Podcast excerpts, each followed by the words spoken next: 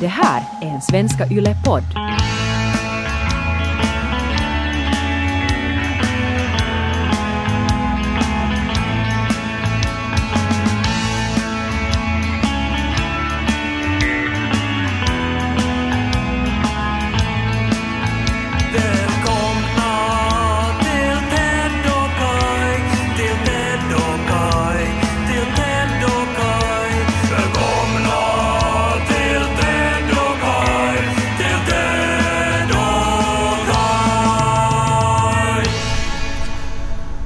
Varmt välkomna till Ted och Kai-podden på resande fot, kan man väl säga. Ja, Hälsningar från vagn 6, eh, plats nummer 23. Intercity-tåg nummer 23 Mm. på väg norrut. Ja, Och eh, vi har ju aldrig spelat in på ett tåg på det här sättet tidigare. Så Nej. att jag vet inte vad som kommer att hända nu då. Kommer vi att drabbas av, eller alltså om den här vet du, levande känslan av att vara på resa kommer att höras i podden.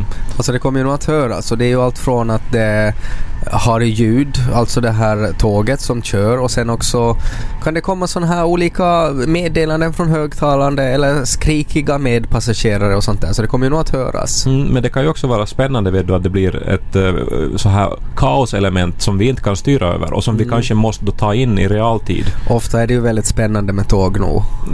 Nej men jag tänker om här plötsligt nu liksom uppstår någon sorts sån här, vet du, tågrån eller någonting så är vi ju Mm. mitt i och så får lyssnarna på det, på det sättet då en, en direkt inblick också. Så det här kan vara ett sorts bevismaterial också. Om det är så att du lyssnar på den här podden nu på grund av det stora tågrånet på Intercity nummer 23, så varmt välkommen. Överlag är det harmt att det inte fraktas så här värdesaker i diligenser längre.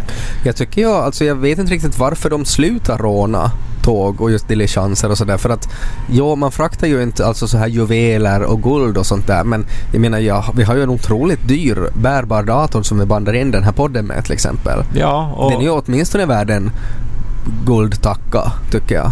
Ja, men nu är det ju också, alltså jag tänker, för vi går ju ganska mycket jag och Nico på uh, konstutställningar och då är det ju uh, ofta då att de har något speciellt tema och så har de uh, samlat ihop kända verk av en konstnär eller från en viss riktning eller någonting då från hela världen och då till ett och samma ställe och de här tavlorna är ju alltså värda ibland så här tiotals miljoner euro och de har ju fraktats alltså fysiskt då med bilar antar man Mm. och, och, och, och möjligen då tåg. Ja. Och liksom hur lätt det skulle ändå måste vara att som, att som ordna en sån uh, kupp då. Ja, man behöver ju bara lite information. Vilken tid och vilken plats de kommer att befinna sig på. Överlag så var det ju en tid när det var mycket i filmer att de, att de sprang på tågtak. Det var ungefär samma era som när de var fast i hissar och så måste de fly genom att det fanns en lucka i hissens tak. Mm.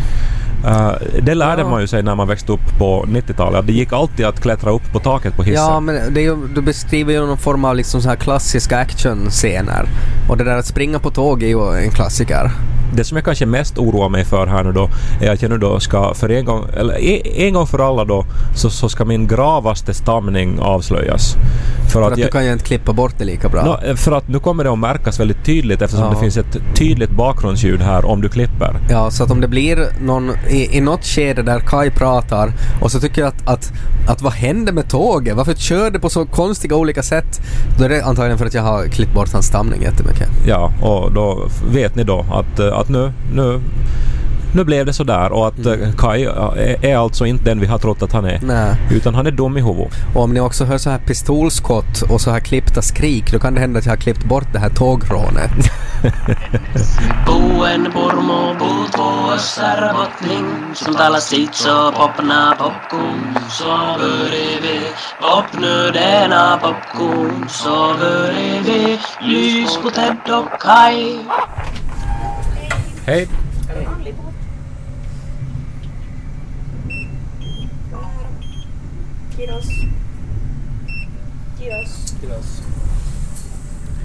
Okej.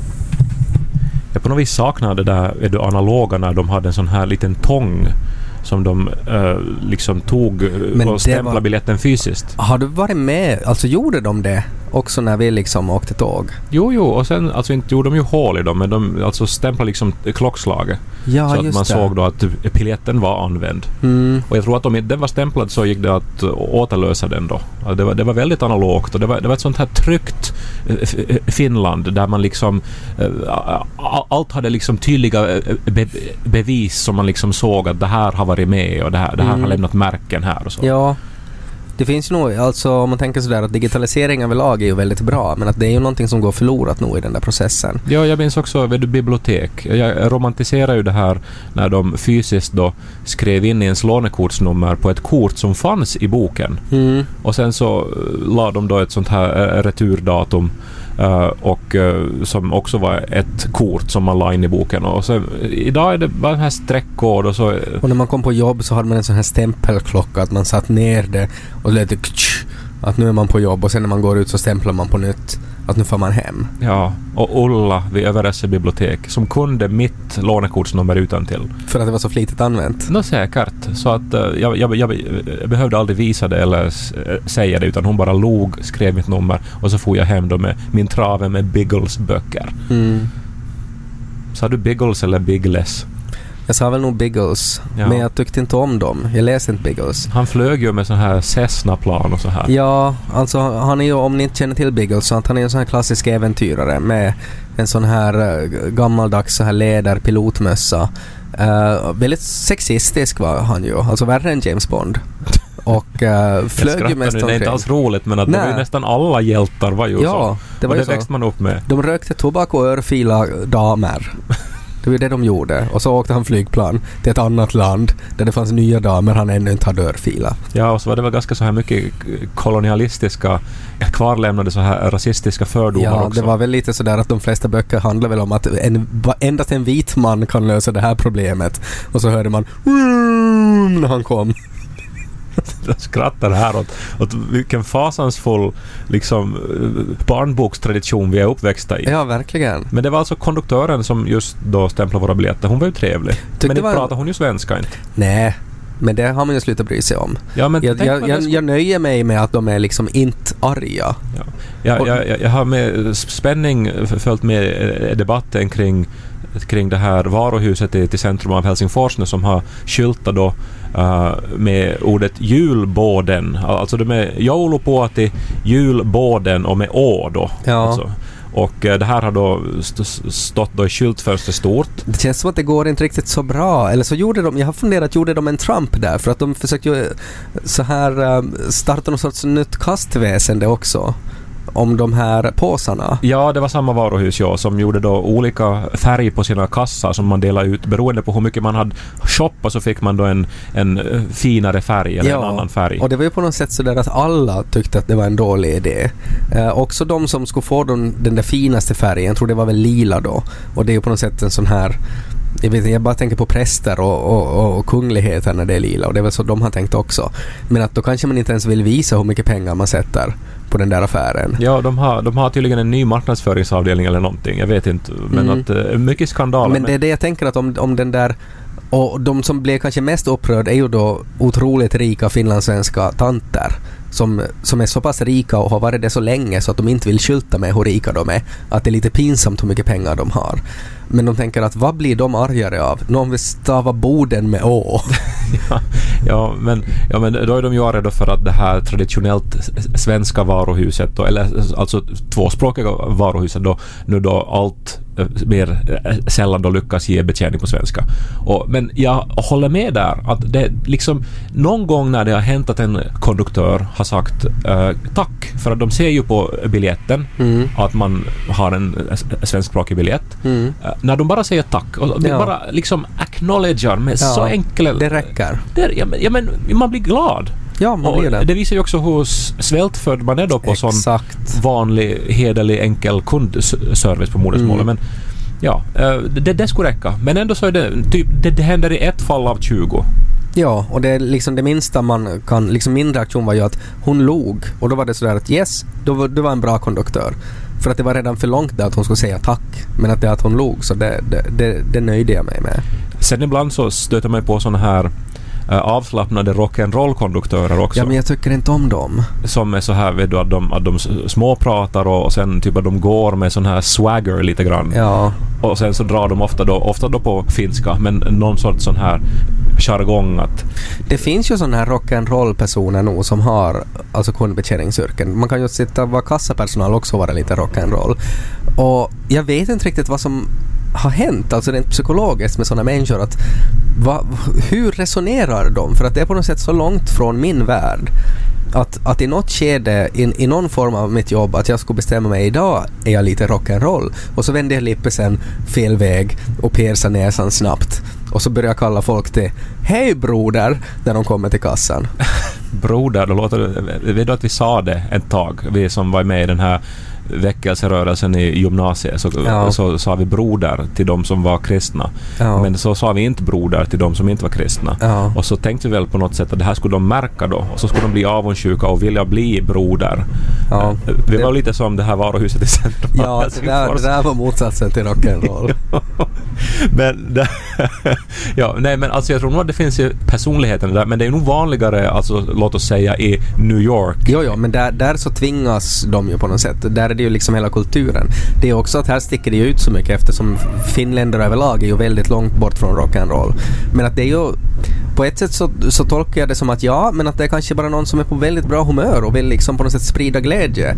Usch, tänker man då. Men att jag tror inte att det är bara det, utan att det är ju nog någonting i den här personligheten också, att de på något sätt har lättare att ta på sig den här rollen i det här yrket genom att på något sätt vara sådär extra skojig. Ja, men alltså jag har ju också jobbat med kundservice i tiden och man vet ju att eh, dels är det ju liksom att man vill ju bemöta kunden så bra som möjligt men också för att man ska orka med långa skift så är det ju bra om man tar på sig någon sorts sån här roll. Att Ja. man på något vis spelar att man har energi eller Ja, någonting. precis. Så att är det kanske det det handlar om då? Jag att vet de, inte. de, de som är lite rock'n'roll mår egentligen sämst av alla. Mm. Men hon som var nu, hon gick förbi här nu så hon, hon var ju inte kanske rock'n'roll. Hon, Nej. Eh, hon var mm, så här färgat hår, så här, eh, alltså i en sån nyans att jag skulle tro att hon röstar på Sannfinländarna, får jag säga så? Ja, det får man väl nog säga. Och djurvän, Ja. skulle jag väl också säga. Hur, vad tänker du då? Nej men det är så här vissa människor så ser man bara men att de där har nog liksom flera hundar hemma. Och jag Ja. tyckte hon utstrålade. Hon har säkert också en tatuering av en, en tass, ett tassmärke tror jag. Mm, fast det kan betyda att hon är kinky också.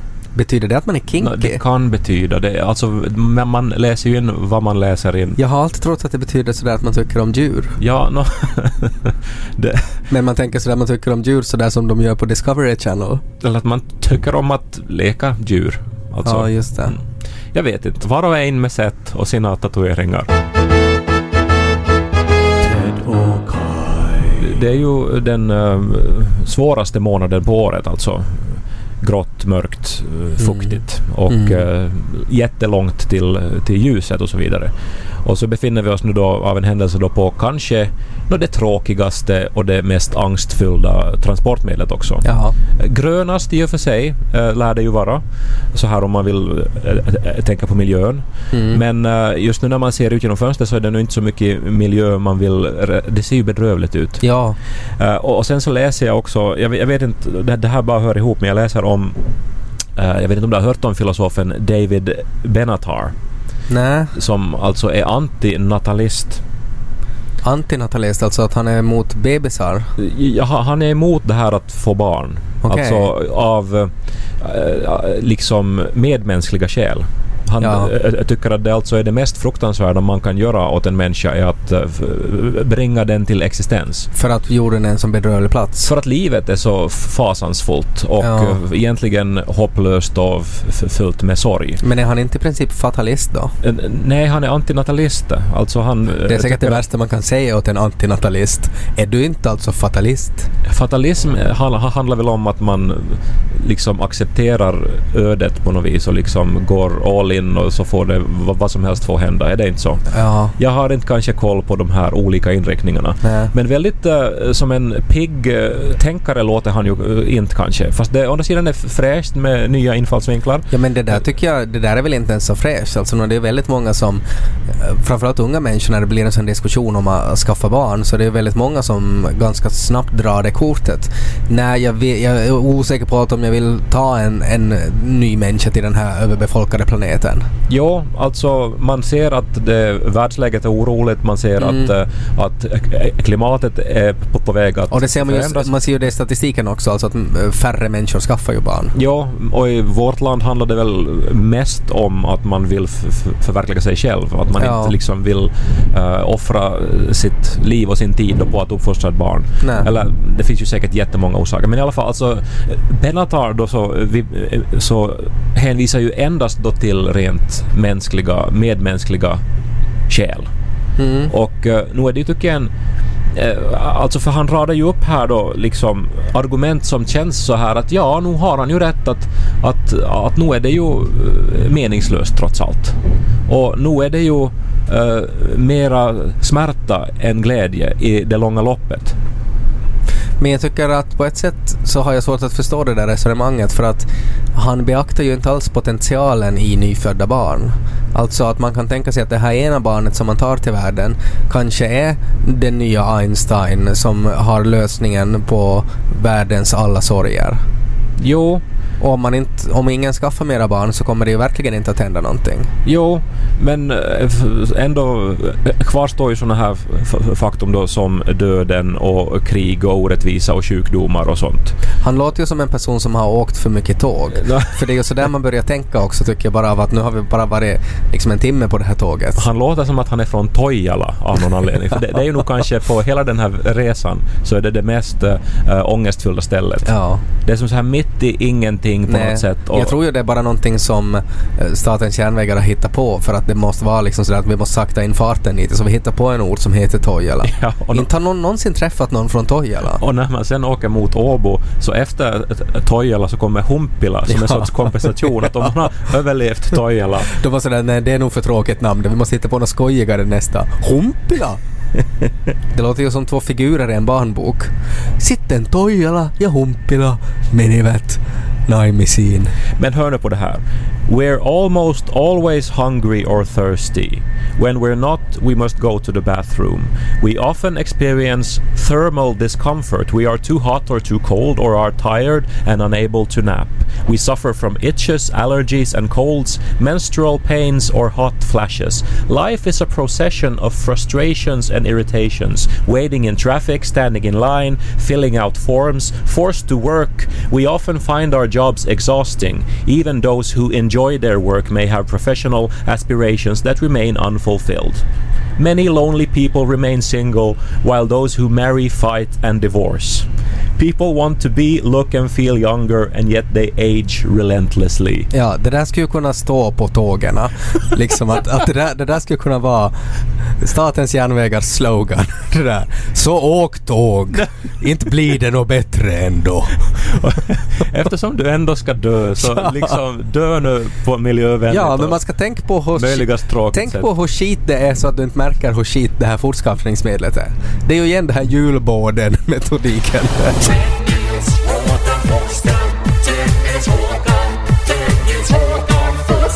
Har du kommit in på det här ämnet då? Det, jag bara, det var något jag stötte på och så läste jag och, och, och sen så var det också att han har skrivit en bok som inspirerar de som skrev serien True Detective.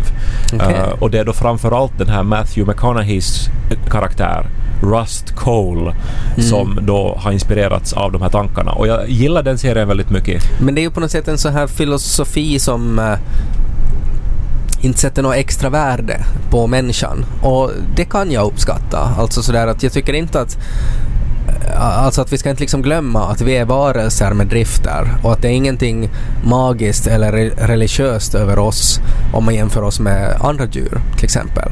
Ja, Eh, Men och- vi lägger ju som så mycket energi på att leva och på att skapa. Ja men det är ju Ja. det som är livet. Det är ju det som djur gör. Bävrarna bygger dammar för att det på något sätt är inbyggt i dem att det ska vi göra. Vi, vi gör andra saker som är inbyggda i oss. Ja, men i något göra. skede, jag tänker alltså vilket jobb man än har, om man bakar muffins, om man eh, städar to- toaletter, om man kör buss, så ofta har man ju då med sin arbetsgivare någon sorts utvärderingssamtal. Mm. Att hur känns det nu? Och är det nog faktiskt som, alltså gör vi det här nu på rätt sätt? Ja. Jag tycker man borde väl ha så här regelbundet så här utvärderingar av livet också. Ja. Och liksom se att okej, nu har vi hållit på i så här Det där är ju som, som jag gör som, är, som producent. med mina redaktörer ibland så har vi en utvärdering. Eh, och så att du tänker att det borde finnas en sorts livets producent. Ja, nej, no, men är det alltså... inte ens föräldrar det då? vart tusende år så borde mänskligheten liksom se att är det nu det här då att föra livet vidare? Är det nu faktiskt som det bästa vi Mm. Nu har kan vi ju göra? gjort det här i ganska många år. Ja, nej men alltså, alltså sen är det ju många då som, som frågar av den här filosofen då, eller det, den vanligaste fråga han får då är att om livet är så här hemskt, varför tar han inte livet av sig då? Eh, och eh, det här, han skriver då att, att livet är ju hemskt men också döden är hemsk. Och förstås så, eh, livet är ju inte dåligt på alla sätt, precis som döden inte är dålig på alla sätt. Men tillsammans så skapar de då ett sånt här existentiellt problem och att det är då bättre att inte gå in i det här problemet i första taget. Det Så där slipper låter- man det. Det där är ganska exakt som jag svarar på frågor som jag inte hade någon aning om i prov. Att man sådär ställde frågan på nytt och bara vände lite på den och sen konstaterade ingenting. Vad betyder det där? Nej men alltså att eftersom eh, alltså både livet och döden är fasansfulla Ja. så är det då bäst att inte ge sig in i livet för då slipper man båda två. Ja men vad betyder det? Nej, men inte att man in inte skaffar barn. Att, att, att, att inte skapa Nej nytt men, liv. men man existerar ju själv. Jo, jo, men det, det måste man ju skylla sina föräldrar på då. Att de har gett en den här fasansfulla ångesten. Som är att leva då. Alltså, det är det han menar. Men tänk om han skulle skaffa barn då och så skulle han plötsligt inse att livet har en, ett värde eller att det är viktigt. Nej, egentligen är det att du ger problemet vidare för att du kan som då känna någon sorts mening då i att du har nu då åtminstone det här barnet som är beroende av dig. Men Ja. barnet, då, då, ge, då, då är det ju på barnets ansvar att tackla denna, eh, denna ångest då. Och denna meningslöshet. Jag känner att jag inte helt liksom, kan inte helt skriva under det här antinatalismen sådär genast. Nej, men du har inte ännu presenterat något vettigt argument heller. Nej men jag håller ju med om att det mesta är meningslöst och att vi är bara djur. Nej, inte säger han att vi är bara djur. Nå typ säger han ju det. Alltså att vara djur är väl då mera då en blessing för att djur har inte de här känslorna och den här Nej medvetandet men på att han samma menar sätt som sådär, människan. alltså just sådär att vi, vi drivs av eh, att vi har för varmt eller för kallt eller att vi är hungriga eller har mens. Det är ju på något sätt väldigt sådär primalt och någonting som jag tolkar som djuriskt. Alltså sådär att vi är inte övre våra mest så här basbehov. Att vi måste uppfylla dem för att kunna ha liksom någonting i vår tillvaro. Och det är väl kanske det jag tolkar som djuriskt. Ja men ju äldre man blir, alltså, alltså nu, nu är det ju helt rätt så som så säkert man blev tillsagd en miljon gånger då. Att det är ju de här små sakerna, alltså njut av stunden, njut av de små glädjeämnena. Och att om man liksom klarar av alltså det, det handlar ju på något sätt om att hitta någon sorts uh, zen i sitt liv. Ja, om man, liksom om man, i utgår, man utgår från att det mesta är kaos. Man har för varmt, man har för kallt, man har ont någonstans. Det är kaos. Och att man ska istället bejaka det kaoset och hitta någon, någon inre frihet inuti det. Skulle vi kunna lyssna eh, på kanske den mest livsbejakande s- sång som, eh, som vi gjorde till Radio Pleppo? Den här Dre- Drecko Boy-sången. När allting är så uselt och livet det är tungt. du gitarren ifrån? När hoppet, glädjen, ljuset känns som bara strunt. Då finns en sista utväg bort från all misär. Ett gammalt knep som alltid funkar hur uselt det än är. Drick boy, drick boy, fuck my ass vad det blir skoj. Drick boy, ur ett glas. Drick boy, ur en vas. Koka mjölk och häll i koppen varm och boy. Det är toppen. Drick boy, drick boy, drick boy. Kom igen! För jag satt och tänkte alltså, äh, Monica Fagerholm i sin bok Diva äh, så äh, säger hon att det enda som hjälper mot tankar är hud. Mm. Och, och, och, det tycker jag är jättesant och eh, liksom någonting som, som uh, kärnfullt fångar känslor som jag eh, hade här att känt. Jag tänker bara på Hannibal Lecter, ja. Att man har liksom äter upp någons skinn och det är det enda som hjälper mot de här tankarna som säger att jag ska göra det. Tror du det var det Monica Fagerholm tänkte i Tenala när hon skrev den här boken då? Nej. Att hon ville Jag äta insinuerar skinn? inte att Monica Fagerholm är en kannibal. Nej, men ja, jag menar då att möjligen det enda som hjälper mot november är... eh, Underbara kvinnor vid grillen. och boy, tänkte jag säga. Ja. Att, att, att det, det är någonting med det här, vet du, någonting så, enkelt som, eh, som kall kakao. Ja, det handlar ju också om att man på något sätt bestämmer. Man zoomar ju in på någonting. Och det är ju det där som jag tror är en, så här bra ledmotiv att ha i livet. Att om man är för långt utzoomad, då ser man bara det här onda. Då ser man bara alla tassiga så här migrationsbeslut och världspolitik och presidenter som Ett ögonblick. Tällä hetkellä olemme noin 11 minuuttia aikataulusta jäljessä. Tämä myöhästyminen Helsingin päässä, kun odotimme vaihtomatkustajia muista junista. Tämä myöhästyminen ei kuitenkaan vaikuta jatkoyhteyteen Tampereelta Jyväskylään, vaan se Jyväskylän juna odottaa siellä Tampereella matkustajia tästä, tästä junasta. Ja se Jyväskylän juna IC93 lähtee siitä viereiseltä raiteelta. Kun me saavumme raiteelle kaksi, niin se Jyväskylän, rai, Jyväskylän juna lähtee raiteelta kolme. Eli ei tarvitse kun laiturin poikki, poikki kulkea siihen junaan. Eli noin 11 minuuttia aikataulussa jäljessä kuulimme tällä hetkellä. Pahoittelemme sitä. det tog länge. Och sen är man försenad ännu till då. Ja, nej men just det där alltså att om man är för långt utzoomad då ser man bara de här dåligheterna. För att de finns ju de här dåligheterna och, och grejen är ju att man kan inte fokusera på dem. Man måste zooma in. Och om man zoomar in så långt så att hela ens värld är bara ett glas med kall mjölk med lite chokopulver i, då kan man åtminstone hitta en glädje i det. Sen ibland måste man ju zooma ut, men att man alltid har möjligheten att zooma in ibland, då tror jag man mår bättre. Fick du så här hundhår i halsen tror jag. Som sagt, we have allergies, we itch, we are constantly sore.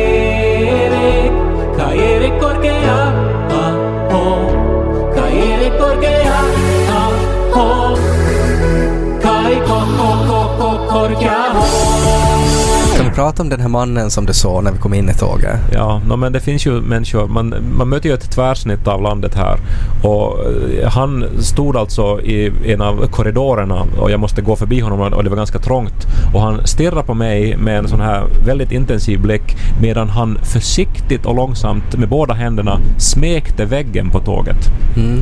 Och jag gick då förbi då på väg till min hytt och, och jag undrar ju förstås då liksom att vad, vad, vad är hans historia? Och så eh, tänkte jag på det som jag läste för några eh, ve- veckor sedan någonstans om eh, objektsexualitet. Alltså människor som förälskar sig i objekt, större strukturer. Det fanns en kvinna som gifte sig med Eiffeltornet till exempel och var förälskad i Eiffeltornet. Så du tänker att den här mannen då han hade stått på perrongen i Helsingfors och väntat på sin fru IC23-tåget. No, alltså, jag vill faktiskt inte förlöjliga det här för att jag, jag tror att det finns en otrolig variation i mänsklig Eh, eh, sexualitet och eh, det här att, Men kan vi åtminstone hålla med om det att rent evolutionärt är det ju lite korkat att bli kär i tåg? Ja, men det där argumentet har ju använts mot homosexuella också. Så att eh, vill du gå den vägen, Ted Forsström?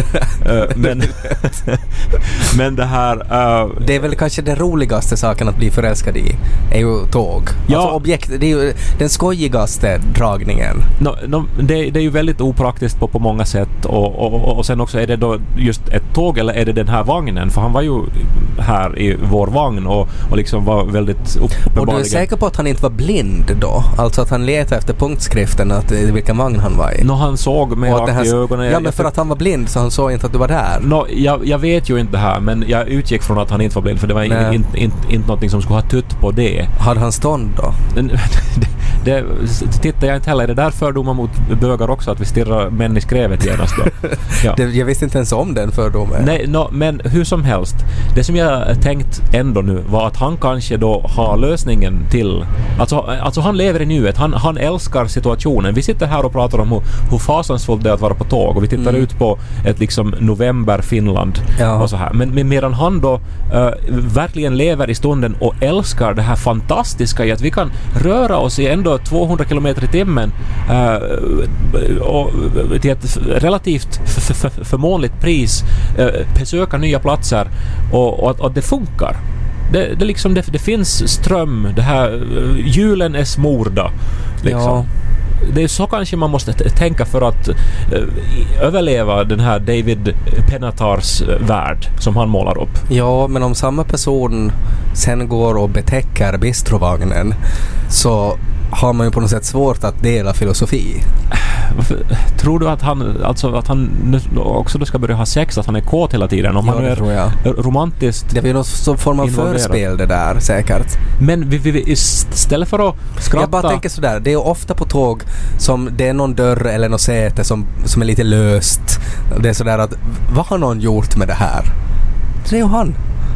Men istället för att skratta åt det här eller håna människor då som eventuellt då eh, njuter på ett speciellt sätt av, av känslan av att Jag åka tåg. hånar inte honom, jag bara tycker att det är roligt. Alltså det är någonting humoristiskt i det där att om man upplever att man är liksom kär i ett föremål så är det på något sätt det där att hur man förklarar det. Det är det som jag går igång på. Det tycker jag är så jätteskojigt. För hur förklarar man att om, om, om du skulle säga nu att du älskar det här tåget, att det här tåget är din fru och så ska jag fråga att men vad är så bra med det? Så skulle du Men inte älskar jag väl Nico för att det är någonting bra med honom utan det är för att jag älskar honom. Alltså det är ju, känslor är ju någonting eget. Det är ju, det är ju något som uppstår och som är större än, än eh, logik och förklaringar. Ja, jag kan väl inte förklara det här. Det är väl bara att om jag skulle rangordna fetischer i humor så tror jag att, att ganska högst upp så skulle vara det här att gå igång på tåg. Tror jag.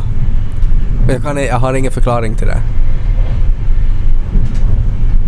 Tror du han stönar varje gång det låter det där pling? Att det blir en sån här liksom Pavlovs hundreaktion? Att det är så associerat med sexuell njutning? När det kommer det här plinget för att de säger någonting. Så att sen när han är liksom någon annanstans och hör ett pling så blir han lite upphetsad för att han tänker på Grälar de då också så här Du är alltid sen. Vadå det är jag väl inte? Jo, kolla här på tidtabellen! Jag undrar vad han har för förhållande till konduktörerna som smyger omkring i hans fru dag ut och dag in. Ja, till alla passagerare också Ja. förstås. Ja. Borde vi bjuda in honom hit? Vi borde kanske gå fram till honom och fråga vad han tycker om antinatalismen. Det enda som hjälper mot tankar är tåg. Det kanske, kanske det är det vi tar med oss från den här podden. Ja, Att eh, man, ska, man ska klara av att leva så. Att hitta någonting som hjälper mot tankar. och för de flesta är det tåg. För väldigt få är det tåg tror jag. Men att eh, ta det som finns till hands. Inse att det är ett mirakel. Och uppskatta det du har. Seuraavana parkanoga.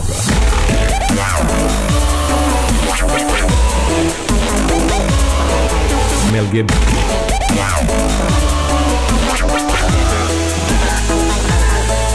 Household.